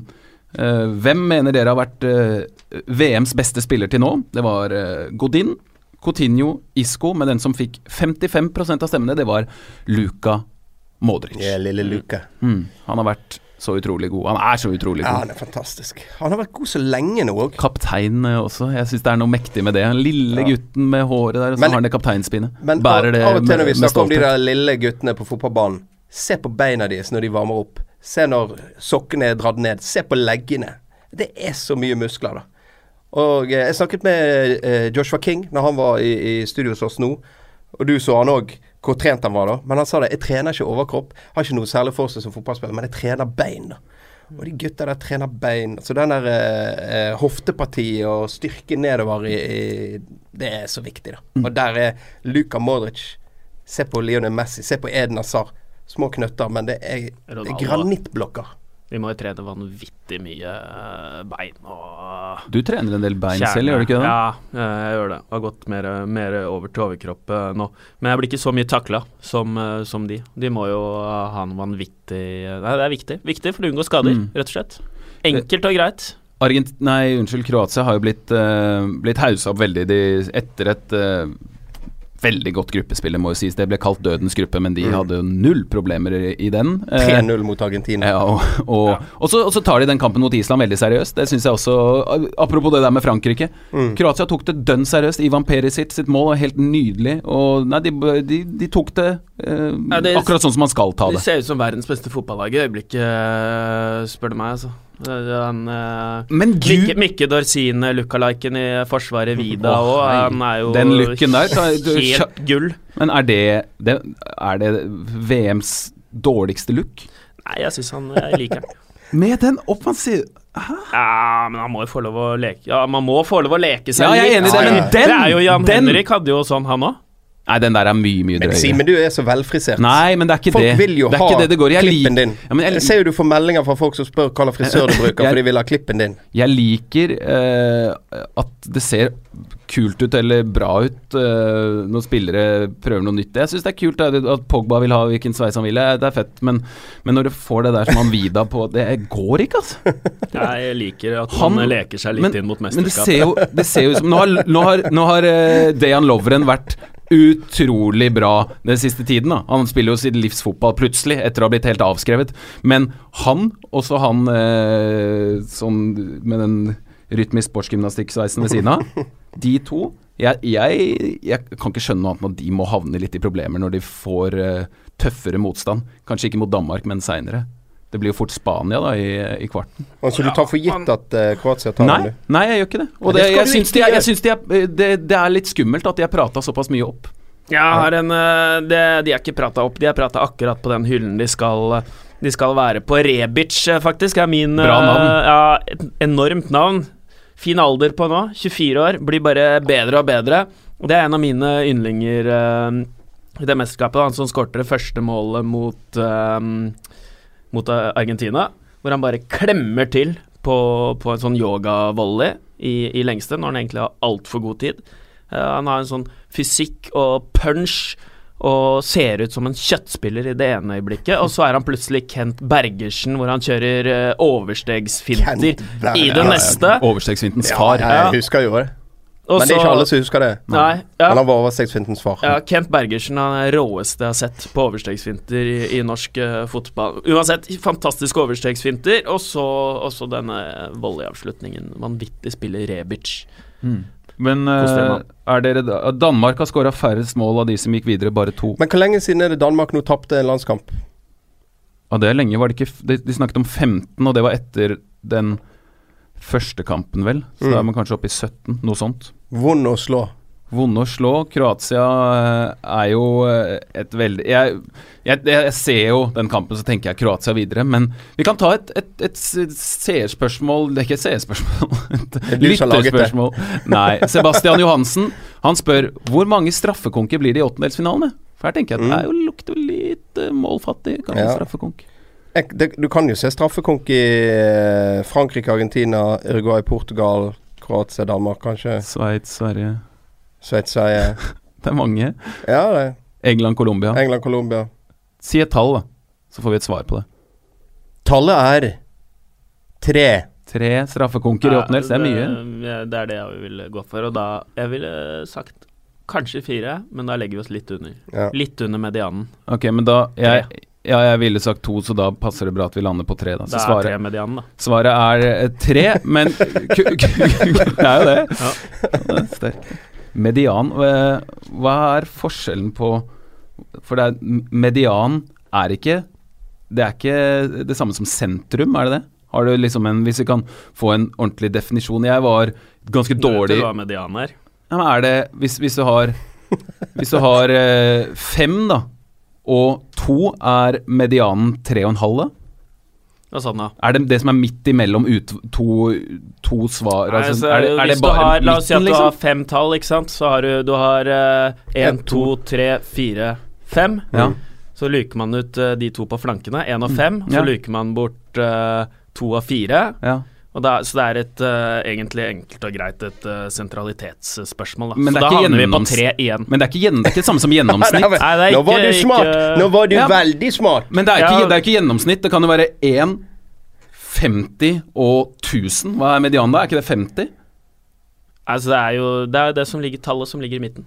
Enkelt Det er tallet som ligger i midten. Så det er ikke et gjennomsnitt. Det er egentlig et helt Så det er ikke dust gjennomsnitt. greie. Ja. Her føler jeg nesten at vi må bare bli Ja, enige om det er Kroatia eller Danmark. Jeg sier Kroatia. Jeg sier Kroatia selv. Ja, da sier jeg Danmark. Neste kamp. Sier Danmark. Neste kamp mandag klokken 16. Brasil-Mexico. ja, det er jo gøy, da. Du får eh, Altså, tradisjonelt sett så er det jo vanskelig for uh, lag fra Sydamerikane, som, som er jo veldig gode til å spille fotball, men når de kommer til Europa og de der, så har jo ikke de gjort det dødsbra. Men her, her er det Brasil-Mexico som uh, i hvert fall skal til kvartfinale. Men Mexico er Nord-Amerika. Jo, men altså i det området der. Americana er riktig. Americana. Men det har vært gøy å se på Mexico fram til egentlig den siste kampen, hvor jeg bare syns synd på dem. Ja. Det, en som det snakkes mye om, kanskje litt for mye, Er det. Nord-Amerika, ikke Mellom-Amerika? Nei, jeg tror Mellom-Amerika er liksom Det er Honduras, Nicaragua osv., og, og så går det til Mexico, det er Nord-Amerika. Så de tre landene som skal ha VM 2026, det er Nord-Amerika. Canada, eh, Ja. USA og Mexico. Ganske sikker på det. For jeg fikk, eh, fikk tyn, jeg gjorde det sammen. Jeg kalte det ikke for Sør-Amerika, jeg kalte det for Mellom-Amerika. Det var visst feil. Da har jeg også fått tyn. Takk skal du ha. Ja, da er vi to. Ja, uh, deilig med tyn. Neymar får så mye pepper. Uh, Endre Olav, Apropos tyn. men, men hva, hva syns du om Neymar, sånn helt generelt? Helt, helt generelt. Helt generelt. Presten, Hva syns presten om Neymar? Nei f- Jeg uh, synes uh, Kanskje um, Han kanskje ser litt sånn krevende ut eh, og skal være hovedpersonen til enhver tid. Og på godt og vondt, og krever det av omgivelsene. Og det um, skaper litt sånn ringvirkninger på banen og sånn. Når det er sagt, så syns jeg han har hatt en vanvittig formstigning i mesterskapet her, og i den siste kampen nå så var han vanvittig god. Så han er i ferd med å spille seg i form. Han har spilt seg i form, Mm. og er nå friskmeldt, og han kommer bare til å bli bedre og bedre i det mesterskapet her. Jeg tror ikke at han vil være den han fremstår som. Jeg tror ikke han vil være der i sentrum og være superstjerne. Jeg syns jeg så jeg synes jeg så i Barcelona en Neymar i eh, balanse. En Neymar som, som digga å spille fotball med Suárez og Messi, og syns det passa veldig bra til den spilleren han er òg, og ikke hele tiden skulle gjøre alt. Og jeg syns det så ut som han var i kjempeharmoni, og så drar han til Paris Saint-Germain, hvor det er helt åpenbart, med faren hans som har fått ordna i stand hele den overgangen, og to milliarder og masse penger og, og, og, og branding og alt med det. Jeg syns bare det virka som at han han ble en helt annen gutt. Altså. Jeg syns det var litt trist å se at han plutselig skulle, skulle bli eh, noe han ikke er. Jeg vil se fotballspillere eh, kose seg. Jeg synes det, ikke ser, det ser ikke ut som han gjør det. Og nå syns jeg det ser ut som, etter den der filmmasepratinga, så, så syns jeg det ser ut som at han nesten prøver selv eh, jeg veit jo ikke, men å, å, å- bygge opp under det narrativet om at han er en, en, litt sånn meg mot verden-narrativ. mm. etter etter at han ble felt mot Jeg tror det var Dusan Tadic nå. Han ble felt, og da hadde han tatt det først en rulla, så ble han felt en gang til. Så reagerte han helt vanlig som en hvilken som helst spiller som blir felt ville gjort. Bare faller. Og så liksom ett sekund tar det, og så plutselig masse fakter. Og da tenker jeg, da gjør han i hvert fall ikke noe for å dempe det. Men han er liksom, det er liksom at han bygger seg opp til å være liksom en større greie enn det han egentlig vil være, bare den guttungen som Ja. var sykt god i fotball. Ja, nei, men det syns jeg høres ut som en uh, ganske god eh, analyse for øvrig. Det, det, det kan vi jo kjenne oss igjen mange ganger i, i livet, at man på, eh, på en måte blir pressa inn i en rolle hvor, eh, ja, hvor man blir mer i rollen da, enn den man egentlig har lyst til å være. Så, så det, kan, eh, det kan nok stemme.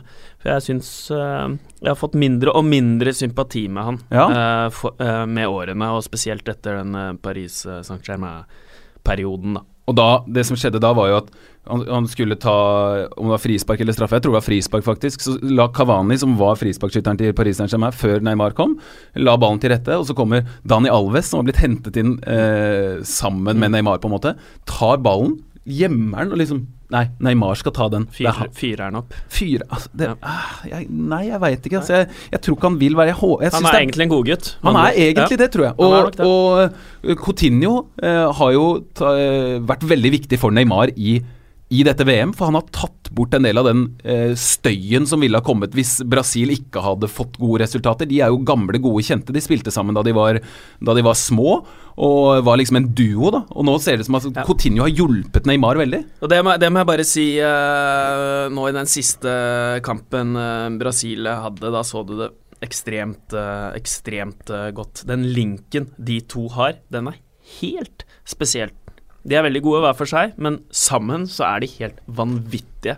Eh, Den mest nærmeste man kommer telepati eh, i det mesterskapet her. Så, så ja, de er gode enkeltspillere, men mot uh, Serbia de to sammen, det var synergieffekter herfra og til månen, altså. Og det De skjedde, en ting, det skjedde en ting i den Serbia-kampen. Marcelo måtte ut med skade. Mm. Jeg er veldig svak for Marcelo. Jeg syns han er bare helt fantastisk å se på.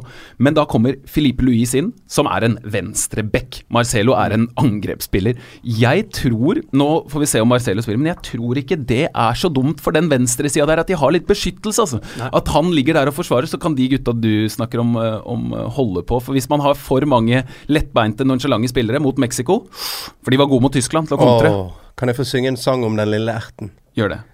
Jeg har ikke tenkt å synge en sang, men det, det Chicharito gjorde i den kampen, det, det var sånn som bare varmet fotballhjertet mitt. For han er en sånn spiller som du Og det tror jeg de fleste kan kjenne seg igjen i. At han er en sånn type som du blir litt glad i. For han eh, har stort hjerte, er oppofrende, eh, jobber knallhardt og eh, er jo i utgangspunktet litt begrenset sånn ferdighetsmessig. Men kaster seg inn i situasjoner. Er norsk, er på plass. Uh, gir det han har, da. Og det du så, og det er en stund siden du har sett Chicharito tilbake liksom fra glansdagen i Manchester United. Men han har jo ikke vært bedre enn han var i den kampen mot Tyskland noensinne. Han var så bra. Det var så kult å se han i den kampen. Og du så det før kampen, på nasjonalsangen, han sto der og sang. Hele sangen. Og du så det etterpå. Han ser jo litt sånn gutteaktig ut. Men uh, du ser at han hadde blitt litt eldre. Og så så du litt sånn der eh, Han gråt jo Tårene kom, da. på nasjonalsangen Ja. før kamp, liksom. Ja, det var nydelig. Jeg, eh, han er en sånn som jeg blir glad i, og det var utrolig gøy å se. Jeg elsker jo det der å se spillere som man avskriver, slå tilbake og si at 'jeg har en kamp til', eller et par kamper til i meg. 'Jeg har et mesterskap til i meg'. Det er nydelig, og, og det har vært kult med, med Chicharito i, i- og, og Mexico har vært et eh, kult lag å følge med, selv om de har jo variert i prestasjonene sine. Da. Jeg klarte jo å skrive, legge ut på, på Twitter midt i den kampen mot Eller midt i første omgangen mot uh, Sverige, tror jeg det var. To beste spillerne i VM, Luka Modric og Hector Herrera, som spiller sentralt på midten hos Mexico, som jeg bare syns har vært helt enorm. da, Og så gjør han en feil, så blir det straffe. og så Det var liksom kiss of death. Eh, da eh, fikk jeg litt dårlig samvittighet eh, overfor Hector Herrera, men eh, han starter og spiller. Mexico er et eh, bra lag, litt såra nå, og det er den åttendelsfinalen jeg gleder meg mest til. Ja, det er Ja. Men det skjer jo kanskje noe når, når de nasjonene som er som geografisk sett er litt nærmere, og som møtes, at det, det blir en litt annen type fotballkamp. Og ja. Bare se, se, på, se på Copa America. Se på resultatene i Copa America sånn historisk sett, og hva som har skjedd der, og hvem som har gjort det bra og ikke gjort det bra. Så eh, der er Uruguay det laget som har vunnet flest. De har vunnet Copa America 15 ganger. Du forventer jo at det er Brasil som har vunnet VM flest ganger, men Brasil har vunnet Copa America åtte ganger. Og Chile hadde et par ganger her nå nylig hvor de vant plutselig. Ja. Veldig mye energi og sånt. Det har jo Mexico. Kanskje, kanskje blir det en, eh, en kamp som lever enda mer sitt eget liv enn en vanlig. Hadde vært gøy. tolker jeg dere som nå. Eh, Jeg tror det kan bli en gøy kamp. det blir veldig gøy kamp. Uh, Filippe um, Louis uh, inn der som back. Kanskje, Ja. hvis ikke Marcelo er klar. Det som er litt fascinerende da, er også at Fagner har jo da kommet inn uh, til kamp to Mm. uh, pga. skade på Danilo. Han har gjort det bra. Han har gjort det veldig bra. Han, eh, jeg følger alltid litt ekstra med på bekkene, da, for jeg føler de eh, får for lite oppmerksomhet. Men du er ikke generelt. back sjøl. Jo. Jeg ble jo det. Jeg Jeg, var jo egentlig midtbanespiller og kant, og så Det klassiske scenarioet. ja, eh, spilte høyrekant. Havnet på benken. Spurte jeg Stig Mathisen, trener i Kjelsås, uh, hvorfor, uh, hvorfor eh, sitter jeg på benken Ja. som kant. kant? Nei, du er for dårlig defensivt til å spille kant. Neste kamp så starter jeg som back. Og siden har jeg vært back. Fagner, meget ryddig høyreback med stor eh, fart. De har fått inn et nytt backpar, sannsynligvis, til eh, neste kamp. Følg med på Fagner, han får for lite oppmerksomhet. En av de få som spiller hjemlig liga Men du viet rett og slett deler av fotballivet ditt til, eh, til backene etter uh, omskoleringen. Ja. Ja. Vi hadde Vi var veldig svake for Spania en periode, da jeg og Endre Olav spilte sammen. Det var for ti år siden nå, da. Da var eh, Vi late, Da hadde begge vi to langt hår. Du har sett bilde av meg med langt hår. EU hadde jo lengre hår. Så han var også Det var helt seriøst. Han var Vi kjøpte drakter og greier. Han var Sergio Ramos, og jeg var Fernando Torres. Det funka ganske bra. Det funka veldig bra. Uh, og så etter hvert så ble det Balsaretti. Det var da Ramos var back, da, ja. Mm. Var det Balsaretti største kompliment jeg har fått på en fotballbane, Det var mot KFM i en andredivisjonskamp. Så kom jeg hjem fra et returløp, så sier han uh, kantspilleren til KFM. Du er jo helt Balsaretti, da. Det er jeg Jeg, må bare ta en ve veldig, god, veld, veld, veldig fin historie fra Vi spilte en kamp eh, i Valhall. Kjelsås spilte mot uh, Vålerenga 2. Og da spilte en som heter Chuma Anene. Sikkert noen som husker han, og kanskje fortsatt Han spiller jo fortsatt, er en bra spiller. Han, han spilte på den ene kanten uh, ehm, mot en som heter Anders, da, som spilte på Kjelsåsen. Da var, jeg, jeg tror han var venstrebekk, da.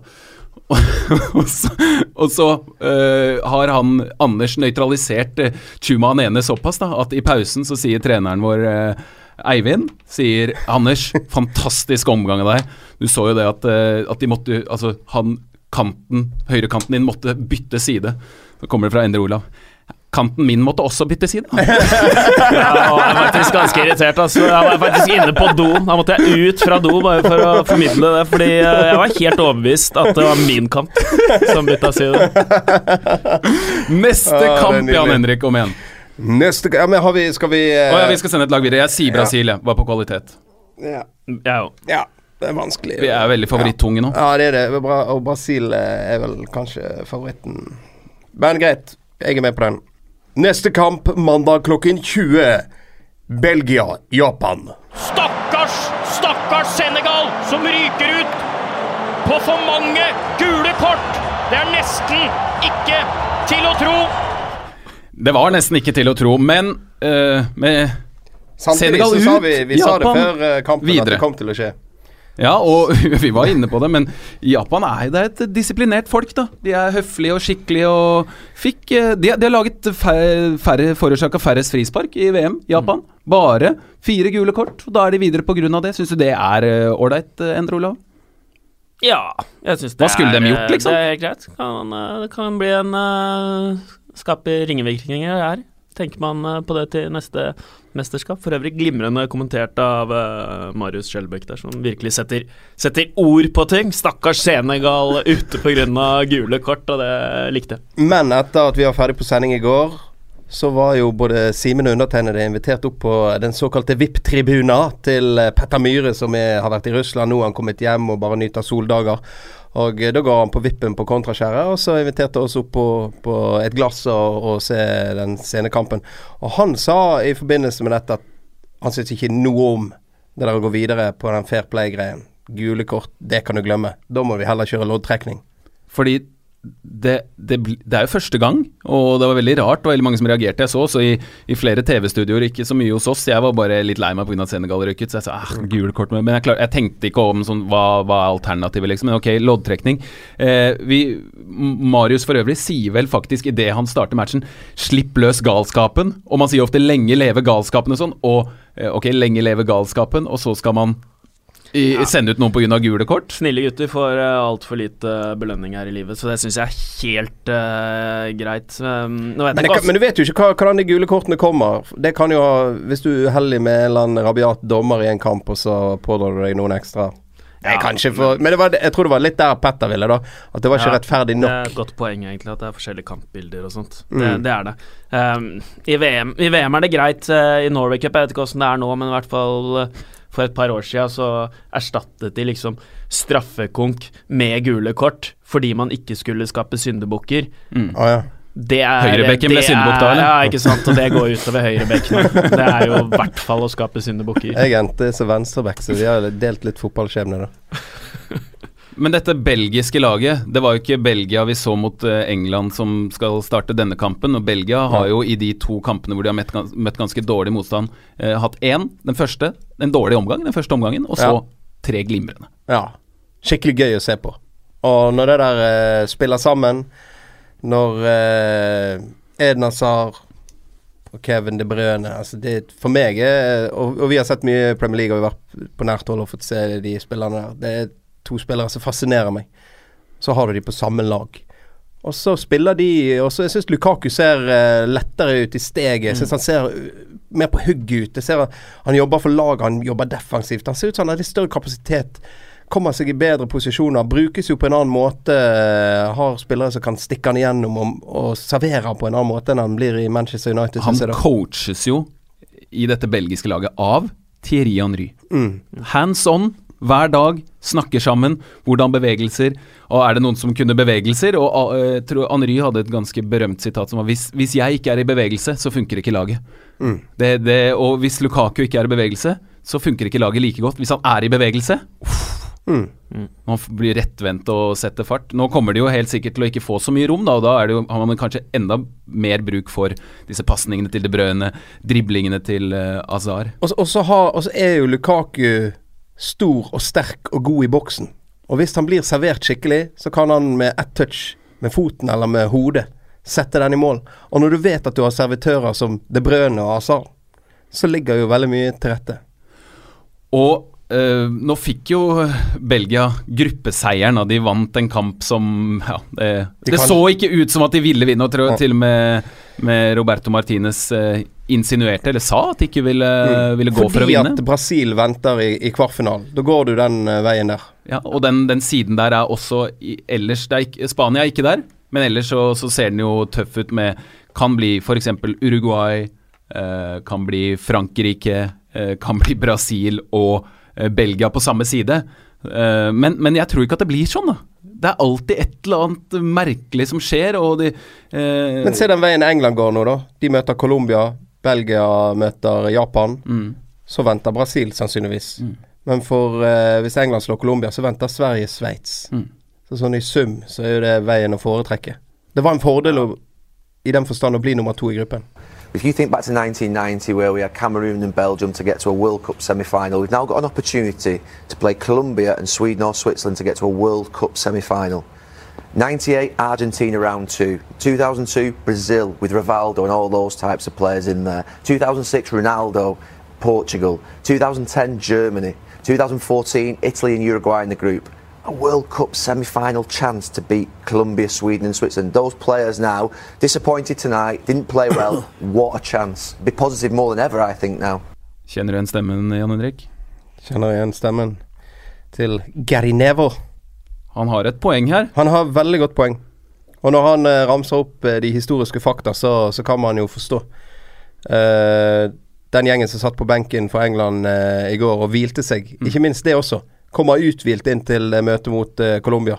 Men da, da Belgia er favoritter mot eh, Japan, kan du se for deg en skrell, Endre Olav, i den matchen? Og disiplin og struktur og japansk høflighet. Det kan jeg ikke. Uh, Belgia er litt det nye Nederland, så jeg tror de uh, Ja, De har overbevist uh, til nå, og så ryker de i kvartfinalen. De bærer uh, Benelux-landenes fane til kvartfinale, i hvert fall. Og der, der venter veldig stor sjanse for at Brasil venter der. Neste kamp, Jan Henrik. Neste kamp tirsdag klokken 16. Sverige-Sveits. Og det er, eh, når man ser på det på papiret, eh, den eh, kjipeste åttendelsfinalen. Vi har Sverige, vi, da, så det er jo liksom Det, det gjør det litt Litt annerledes i og med at det er broderfolket Det er jo veldig gøy for oss. Mm. Da fylles det opp på kontraskjæret. Men eh, en tredjedel av Sveits spillere har spilt eller spiller for, for Basel. Eh, Jan Henrik, du har et idol som også er æresmedlem av Basel. Eh, du kom Oh. hit i dag med tennisracketer i sekken. Jeg sitter med her med capsen på. RF på, på capen. Kan Ja. du fortelle bare litt om ditt forhold til Roger Federer? Og Roger Federer, det er et eh, Det er ikke livslangt, men det er et eh, kjærlighetsforhold som har vart ganske lenge. Jeg har alltid likt å se på tennis, og, og da Federer eh, entret scenen på slutten av 90-tallet Nå har han spilt på toppnivå og vært eh, topp 100-spiller i, i 20 år. Så eh, måten han spiller tennis på, eh, det er akkurat som å se en, eh, en ballettdanser. Og eh, det er teknisk helt, helt i en egen klasse. Og det er estetisk vakkert. Så ja, jeg syns det er en del sånn lignende ting til å se en del av de beste fotballspillerne i verden. Og han gjør det i en alder av nå 35-6. Nei, fyller ja, 36. Fyller Mm. 37 i august. Og eh, i dag skal jo faktisk første runde i Wimbledon trekkes. Og da må jeg bare si, skulle det bli VM-finale for Sveits og Wimbledon-finale for Roger Federer, så må han gjøre unna den like fort som i fjor, da han brukte 1 time og 40 minutter på å slå Marin Silic, fordi avspark i VM-finalen er to timer etter første serve i, i Wimbledon-finalen. Ja, den er Er, det. er Sveits en litt sånn eh, De er veldig vanskelig å slå. da Vi snakker om at Danmark er vanskelig å slå. Sveits taper jo heller ikke fotballkamper. Nei, og se på han der uh, Shakiri. Når det kommer et mesterskap, når det er et eller annet det, Du har sett det i Premier League òg. Spiller mot Stoke, uh, for Stoke. Basel-gutta han også, da. Som Ja, ja. Federer, som Ja, du så det med han han spilte i Basel. Du så når Basel spilte i Europa. Uh, du har sett det i, i Premier League for Stoke når de møter de store lagene. Plutselig så er bare han her. Da ser du at han er en spiller. At han er på et mye høyere nivå. Og det, det har du sett uh, tingene i dette mesterskapet også. Shakiri et lite beist, en liten plugg, som er vittig å følge med. Og pass på Blerim Jemaili, kongen av andrebølgen i dette VM. Han De har jo spisser som, som sliter. Spissen drar med seg forsvaret, får ikke ballen. Eh, Det blir en duell. På ti meter så lander ballen, eller så blir den spilt fri. Blerim Jemaili, en ganske skal vi si, sånn gammel traver, litt sliter i, i Serie A, som nå plutselig har fått haugevis av målsjanser, og så scorer han mot Costa Rica og eh, er en sånn typisk eh, en, en i den kategorien spillere som bare plutselig gjør det i et VM som man aldri hadde sett for seg. Hæ, hva i alle dager Jemaili? Han er en sånn matchvinnertype, da. Eh, han har også det Balkan-blodet i seg, og deilig å se den innstillinga til de, de gutta. Eh, Sverige, da. Eh, de er veldig nære en kvartfinale i VM. Hva tror du, eh, Endre Olav? Kjempemulighet til å komme seg til kvartfinalen. Og ehm, for en som ser tilbake da på uh, VM i USA i 94 Mm. som sitt uh, store, store VM-høydepunkt, så får jeg litt uh, følelser av at de kan gå Kan klare kvartfinale, de kan klare semifinale. De kan klare, de kan klare finale. Nei, kan, kanskje ikke. Nei, men de kan klare i hvert fall kvartfinale. Mm. Det er fullstendig VM-feber. VM-feber i Sverige nå. Mm. Eh, og den berg-og-dal-banen som vi snakka om tidligere her nå, den, det, er jo, det er jo veldig vanskelig å spå denne matchen, i og med at det er to gniende lag eh, som egentlig mangler spisser som skårer mål. Emil Forsberg har ennå ikke vist seg fra sin aller beste side i VM. Vi venter litt på han hvis han har en stor match. Viktor Claesson på motsatt side har vært veldig god. Han har vært meget bra. Og eh, Granen i midten bak deg sammen Victor, den beskjedne Viktor Lindeløv, som gjør en, eh, gjør en bra jobb der. Altså, de, det, det eneste som er litt, litt, litt et problem for Sverige, er at Sebastian Larsson Man tenker hæ, Sebastian Larsson, glem han. Eh, han er uh, skada muligens. Han fikk seg en smell Jeg tror han fikk et smell i øyet eller et eller annet sånt. Så jeg lurer på om han faktisk er ute. Men Sveits mangler to. Fabian Scheer, midtstopper, og kaptein Stefan Lichsteiner, som fikk selvfølgelig Lichsteiner gult kort og, og, og er ute. Så to ute for Sveits i startoppstillingen, én ut for, eh, for Sverige. Men det ser jo så tight ut, dette her. Kan vi, skal vi prøve å spå et lag videre, da? If you don't have the slatter, I say that you cannot win this. Federer eh, sin side for deg, da. Ja, jeg får velge uh, Federer sitt Sveits. Jeg sier Sverige. Jeg sier, jeg sier Sverige, jeg òg. Men uh, Shakiri kan eh, fort blåse inn noen, han. Fra ah, ja, distanse. ja. Vi sender, vi sender faktisk Sverige videre, Jan Henrik. Siste kamp! Spilles tirsdag klokken 20. Colombia mot England. Og jeg må bare si, jeg hadde Det var også en sånn eh, poll som jeg la ut på Twitter i går kveld. Så spurte jeg, tenkte det skulle vært gøy å høre eh, hvilke lag vil dere helst ha videre av også land som vi har nært, da. Og så er Danmark, Sverige eller England. England fikk 55% av stemmene. Like mange mente at de ville heller ha England videre, som, ville, som mente Modric var best i VM til nå. Så det var veldig stor overvekt. Det var flere som hoppa England videre enn som hoppet Danmark og Sverige til sammen. Mm. det er mange som, mange som håper på England. Er det grunn til å tro at dette kan gå veldig, veldig, veldig veldig bra? Is football coming home, Endre Olav? Ehm, for det første så vil jeg bare si at det er bra at du har begynt å legge ut konstruktive polls. Etter Champions League-finalen så la han ut en sånn derre snail erase-poll. Hvilken snegle kommer eh, på flest stemmer. Så det er bra. De, det var den i Eh, midten som fikk flest. Ja, det var det. det. Det er alltid den man må gå for, det alternativet. Medianen som fikk flest. Ja, alltid gå for medianen på sånne spørreundersøkelser. Hvis er er, eller ja, på quizer, hvis du er usikker på riktig svar. Men det er Det er jo tidenes mulighet, men da må de stoppe Luis Muriel. Kom inn på Hames! Kom inn på Hames øh, Rodriguez. Endelig fikk han uh, spille. Luis Muriel, altså det er det nærmeste vi kommer uh, fenomenet R9. Uh, originale Ronaldo. Han uh, fikk en uh, time nå sist, men han var ikke Han var, ikke, han var litt, uh, litt rufsete. litt sånn. Litt rusten. Eh, jeg begynte jo å kommentere, da begynte jeg med Serie A, og jeg la så min elsk på han. Det er Jeg har han på fantasy-laget mitt, og der skal han være. Uh, uansett om han spiller. Nå skinner han igjen, bare sånn at dere Ja, ja. vet det, dere som hører Mer på. enn før. Og han skal det bli spennende. Følg, følg med på han. Han er litt dårligere på Ronaldo. R9, altså. Ronaldo. På alt. Men også veldig, veldig god på det Han er ikke bedre på noe. på. Han er ikke bedre på noe, men uh, han, eh, han ligger eh, tett oppunder. Og så er han litt- Nei, ikke han er litt, oppunder, men han har de samme ferdighetene. Fattigmann R9. Ja. Og litt, litt korpulent òg. Litt uh, Han, han, har ikke, han har ikke liksom den Han har ikke den laveste fettprosenten i VM, da. Er det også en felles trekk? Er det Ja, men ja, på en positiv måte, på en måte. Han er uh, robust, uh, og det er, jo, det er jo bra. Har... Han er en sånn type, uh, som, som, men han er allikevel kvikk. Og, nei, det, er, det er så fin spiller. vi har fått et spørsmål til. Da. Vi rekker ikke så veldig mange. Det blir en eh, episode som blir lengre enn vi trodde. Vi skulle gjennom alle åttendelsfinalene. Men Martin Skaar Vadseth spør blir James Rodriguez klar til kampen mot England. Englands muligheter til å nå en semifinale har vel økt betraktelig. Eh, og, og kanskje han mener, ettersom at eh, eh, de møter Colombia og veien ser litt enklere ut videre, men også at James Rodriguez eh, muligens ikke er med, for han har hatt en leggstrekk og måtte ut i kampen mot Senegal. En ekstra dag hvile. Jeg tenkte på det i går. Er det så innmari nøye om Colombia vinner den kampen eller ikke, vinner den gruppa eller ikke? Men faktisk, en dag ekstra videre, hvile kan jo være forskjellen på James Rodriguez og ikke James Rodriguez. Det kan Du- det, men hvis det er mye strekk, så er det Men har du hatt noen strekkskader som, som er sånn små? Jeg har enten Ja, hatt liksom det, det, det, irriterer meg at man kaller det for strekk. Fordi strekk er sånn, da blir man båret ut på båre, og så er man ute i to-tre måneder. Eh, alt annet er enten kramper eller rift. Okay. Eh, Men jeg har, hatt, eh, jeg har hatt det, ja. Men eh, det har tatt to-tre uker.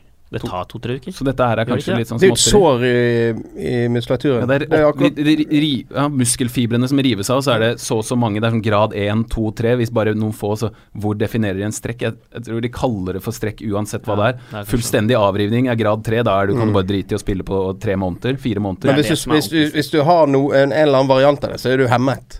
Det var James Rodriguez, helt åpenbart, i den kampen. jeg, jeg, jeg spiller en del tennis, og eh, mine bein begynte å bli dårlige. Men jeg, tennis klarer jeg, fotball sliter jeg med meg.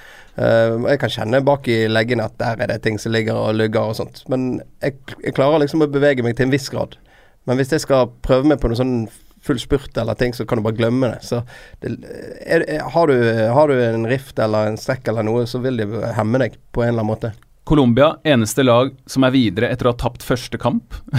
Mm. Men de har jo eh, de har jo skrudd til. De var veldig veldig gode mot eh, Polen. Og så var det så vidt det holdt litt heldig mot eh, Senegal, men det holdt. Og eh, det var litt artig hvordan ordlyden forandrer seg i England i går spesielt. da, Hvor det liksom Nei, vi må p- eh, nesten passe på å ikke vinne gruppa, for, fordi da kommer Brasil-greiene. Og så etter kampen så begynner liksom angsten å sige inn. Og ah, Colombia, oh, de er skumle. Ja. Men de er jo et litt lunefullt lag. Det er mange gode spillere der. Absolutt. Mm. absolutt. Falcao ser jo Ja. pigg ut, han òg. Ja, ja, ja, helt eh, klart. Det er jo eh, James Rodriguez er jo viktig, selvfølgelig. Men eh, de, de, hvis du ser på benken deres, altså det, spiller, det sitter spillere der i toppsjiktet, men det er altså, gode, gode spillere. Så har de et midtstopperpar som er veldig ungt, men han eh, Jeremina er jo livsfarlig på, på cornere. De er, de er eh, merkelige, de to midtstopperne til Colombia, for de har en feil i seg. Hele tiden tenker man 'Å, hva skjer nå?' Oh, oh, oh, nesten. Så får de en fot på ballen. Oftest så er det fot og ball riktig vei, men uh, det er en helt på håret hele tida, både med Davinson Sanchez og han Jeremina. Og apropos dødballer. England har jo nesten bare skåret på dødballer. For noen dødballer! Ja, ja, ja. Det har vært eh, innøvde cornertrekk de første Ja, var de første tre målene etter corner. Så var det et par Og, straffespark. og så hadde Så de var det det frisparktrekket.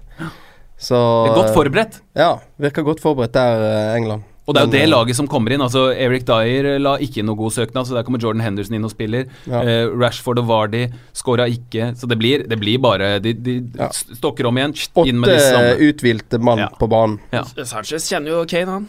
Det er sant. Det er jo en morsom duell, men jeg har jo likevel en eh, følelse av at det ikke har så veldig mye å si eh, for Sanchez sin del. At Kane kanskje til og med heller vet eh, hvordan han kan lure han, eller Han er litt nonchalant i stilen og uh, vi, vi, vi kommer jo til, og vi skal ha uh, podkastepisoder etter disse åttendelsfinalene. Uh, vi, vi, vi, send, vi skal nå sende ett av de to lagene videre. England eller Colombia. Og det laget som går videre der, de har gode muligheter. Så tenk deg nøye om nå, Jan Henrik. Jeg kommer ikke til å tenke meg eh, nøye om. Her kommer hjertet. Og jeg merker Og det er bare en ærlig følelse. Du kan jo si at du holder med lag og sånn som det, men jeg merker at når jeg ser England, så blir jeg glad. Jeg, jeg håper på England. Jeg bare kjenner at jeg vil at England skal få dette til. Og jeg tenker at det er mulig. Jeg er så glad for at de gikk den veien de gjorde nå. Ble to i gruppen. Møter Colombia, så vinneren av Sveits-Sverige. Og så er det semifinale. Og så kommer fotball hjem. Slutt å drømme nå. Endre, Olav. Jeg tror det blir eh, vanvittig close game. Ja, det her eh, går mot uh, i hvert fall ekstraomganger. Oh. Um, det blir litt sånn uh, Jeg håper jo naturligvis på England.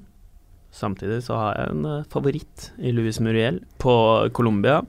Um, jeg tror på Du har en indre England. konflikt. Det her er helt sånn eh, 50-50 indre konflikt og mye mye som rører seg eh, i mitt indre liv akkurat nå. Uh, på alle plan. Han skinner ikke like mye nå. Nei, nei, nei. Nei, jeg, jeg sier jo England Han bare lukker boken. Pressen lukker Jeg sier eh, England fordi du sier det, Jan Henrik. Det tror jeg du har rett i. jeg, har, jeg håper eh, veldig at Colombia går videre. Jeg har ikke noe sterke følelser for England, snarere tvert imot. Jeg har ikke noe problem med at England eh, ryker ut. Jeg håper er på Fordi du Colombia. elsker Frankrike. Nei, ja, Den konflikten det er litt- der må Kanskje det har litt Du med det å er fransk, og vi Nei, vet jeg, det. jeg, det er ingen det er, Eller det er noe dark del side of the force. det, Noe fascinerer meg med, med England, men ikke mye nok til at det er mye mer eh, som fascinerer meg med Colombia. Så jeg håper Colombia går videre, og da sier jeg søren meg Colombia videre. Og kom igjen, gutter! Colombia, James Rodriguez, Falcao! Og bare smak på det, bare smak på det.